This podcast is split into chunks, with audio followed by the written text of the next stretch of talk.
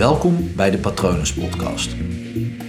Mijn naam is Paul Vet en in deze podcast deel ik inspiratie voor een leven vol vrijheid en verbinding.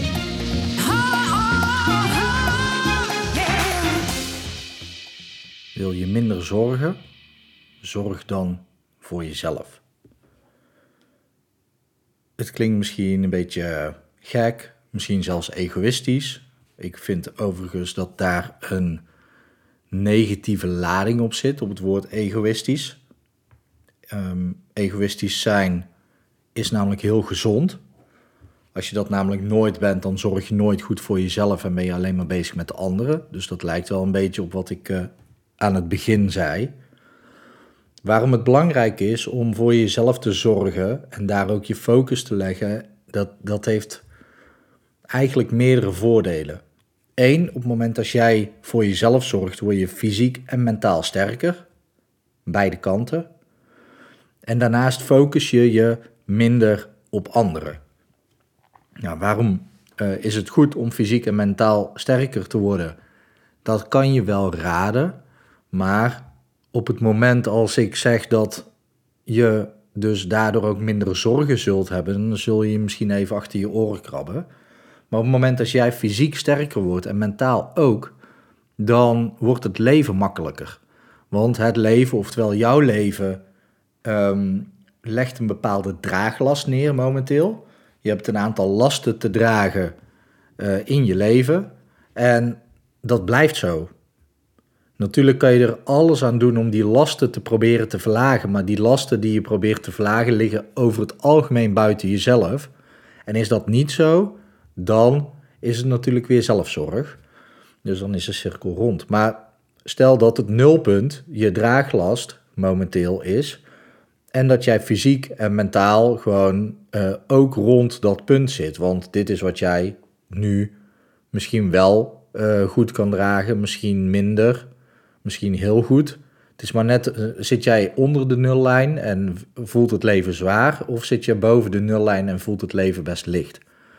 Dat kun je zelf wel weten. Of je zit ongeveer op het midden dat het de ene keer zwaar en de andere keer licht voelt. Kan natuurlijk ook zijn dat je het zelf, jezelf al zwaarder aan het maken bent. Hè? Want dat is ook hoe je sterker wordt. Door het leven um, zwaarder te maken voor jezelf. Door meer lasten te kiezen die jij wil dragen. En dan daar dus ook in gaat trainen.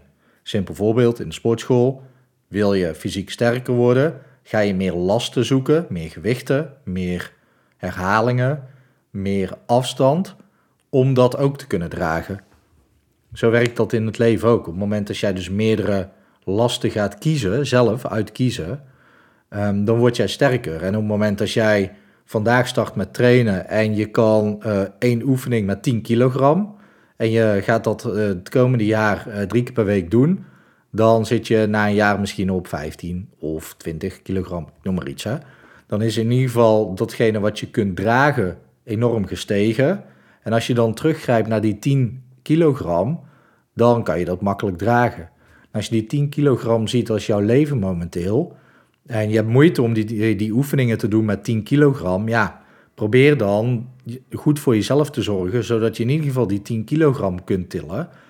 En als je dan daarna niet denkt van oké, nu is het genoeg, maar je blijft daarin ontwikkelen, jezelf verder trainen, dan kan je ervoor zorgen dat het over een x aantal maanden zelfs lichter voelt, die 10 kilogram. Dan voelt het ja, alsof je dat makkelijk aan kan. Zo werkt dat bijvoorbeeld ook met, uh, met opleidingen. Aan, het begin van de opleiding denk je, moet je dat allemaal kunnen? En aan het einde van de opleiding doe je het en dan, nou, dan haal je examen. En dan is het in ieder geval voldoende. En ja, op het moment als het dan uh, als je dan een jaar lang doorgaat met het beoefenen daarvan, denk aan je rijexamen, ja, dan draai je hand er niet meer voor om. Dus hetzelfde als met uh, inderdaad je rijexamen. Allereerst denk je, hoe, hoe, hoe kan ik en spiegelen, en schakelen, en gas geven, en remmen, en de motor niet af laten slaan. En ook nog de radio bedienen, en ook nog een raampje open doen, en ook nog je hand uitsteken, oftewel knipperlicht aanzetten. en dan ook nog die fietser uh, van links in de gaten houden, de auto van rechts van voren en die moeder met kind die op een uh, los rijdt, die uh, schuin achter je zit. Dan denk je, hoe ga ik dit ooit kunnen? Nou, na je rijexamen denk je, ja, dit gaat wel oké. En dan heb je twee jaar op de weg gezeten en dan gaat het opeens makkelijker. Dan denk je er dus automatisch misschien al aan van, hé, hey, ik kan ook prima de radio bedienen of andere dingen doen die je eigenlijk niet hoort te doen tijdens autorijden. En zo werkt het met je leven dus ook. Echter, wat we over het algemeen vaak proberen is om de lasten te verlagen. Maar dat is dus heel lastig, want dat ligt ehm, buiten jezelf. Ja, ik snap dat ik er een half woordgrapje van kon maken dat een last lastig is. Vandaar dat woord natuurlijk ook. Um, maar het werkt dus veel beter om je op jezelf te focussen. Eén, eh, om je dus op jezelf te focussen door fysiek en mentaal sterker te worden. Want dan wordt het leven gewoon lichter. Want het leven verandert niet. Maar jij wordt gewoon sterker. En dan kan je dus het leven makkelijker aan. En natuurlijk zullen er altijd momenten zijn waarin het leven gewoon echt heel zwaar voelt. Denk aan verlies of ziekte. Ik noem maar uh, twee hele grote voorbeelden die echt wel heel zwaar kunnen zijn voor heel veel mensen. En Ehm, daarnaast, op het moment dat jij je op jezelf focust, dat heeft ook nog eens een, uh, tweeledig voordeel. Eén, jij focust je op jezelf. Daarmee uh, leg je dus de energie bij jezelf en focus je niet op anderen. Um, daarmee heb je dus ook geen tijd en energie om je zorgen over anderen te maken. En natuurlijk is het op het moment als een dierbare iets heeft of als daar iets mee aan de hand is, dan is het oké om je daar soms even zorgen over te maken. De vraag is hoeveel invloed heb je erop? En natuurlijk als het belangrijk is voor je, dan snap ik dat je je zorgen over maakt. Maar trap niet in de valkuil dat je ook nog geen zorgen van dierbaren over wil gaan nemen. Dat jij hun zorgen wil gaan dragen. Want dan geef je die dierbaren niet eens zelf de kans om die zorgen te dragen. En dan maak je ze eigenlijk alleen maar hulpbehoevend. En dat, dat werkt niet zo goed. Dus het werkt veel beter als iedereen zich op zijn eigen zorgen focust en dat we elkaar ondersteunen. Dat we er zijn, dat mensen tegen je aan kunnen leunen, maar dat ze wel zelf op hun eigen benen staan. En dat jij dus niet de zorgen van anderen over gaat nemen. Want als jouw, jouw eigen leven al zwaar is en je gaat dan ook nog de zorgen van anderen in je eigen leven toelaten, ja, dan, dan moet je echt fysiek heel sterk zijn en, uh, en mentaal ook om dat allemaal te kunnen dragen. Bovendien zorg je ervoor dus dat die anderen minder lasten kunnen uh, dragen en dat ook niet kunnen trainen. Daarnaast, op het moment dat je dus ook meer op jezelf focust, heb je dus ook minder tijd en energie om je te focussen op wat anderen van je vinden en verwachten. Want dat is vaak ook een ding van zorg, um, dat andere mensen iets van je vinden of verwachten. En dat kan jou ook zorg opleveren. Maar als je dus meer op jezelf focust, dan heb je ook gewoon minder tijd en energie om je daarmee bezig te houden. Dus ja, je wordt fysiek en mentaal sterker als je goed voor jezelf zorgt. Uh, dat levert natuurlijk ook gewoon een betere gezondheid op. Het zorgt voor um, meer kracht, meer rust. Het zorgt ook nog eens voor meer zelfvertrouwen. En nou ja, zo zal het nog wel meerdere uh, zijvoordelen hebben. Ik heb ze niet allemaal uh, paraat. Maar ja, goed voor jezelf zorgen. We weten allemaal dat dat gewoon slim is en goed is om te doen. Um, en daarnaast heb je dus ook gewoon minder last van wat anderen van je vinden en verwachten.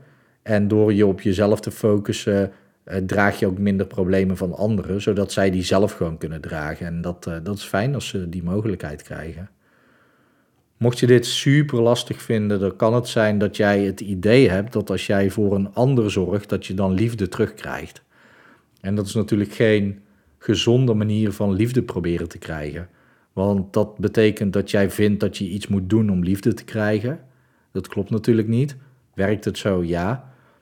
Maar als jij zo iemand bent die, ja, die zeg maar altijd 100 punten aan liefde geeft en dan 5 punten terugkrijgt en daar al tevreden mee is, ja, dan, dan klopt er natuurlijk iets niet in jezelf. Maar daar kan iets onder zitten van een trauma of een, ja, ook een hechtingstrauma. Er kunnen meerdere problemen zijn natuurlijk die zo zijn ontstaan. Um, ook al is het alleen maar misschien gewoon het aanleren daarvan. Van hé, hey, als ik dit doe, dan krijg ik in ieder geval iets van liefde. En ja, vind je dat lastig om dat te doorbreken, kun je natuurlijk altijd even een bericht sturen naar mij. Um, want dan kunnen we met hypnotherapie kijken hoe wij dat kunnen oplossen. Of eigenlijk hoe jij dat kan oplossen en ik jou daarin kan begeleiden. Mocht je dat interessant vinden, kijk even op www.hypnopal.nl. Je kunt me natuurlijk ook volgen op Instagram, hypnopal.nl.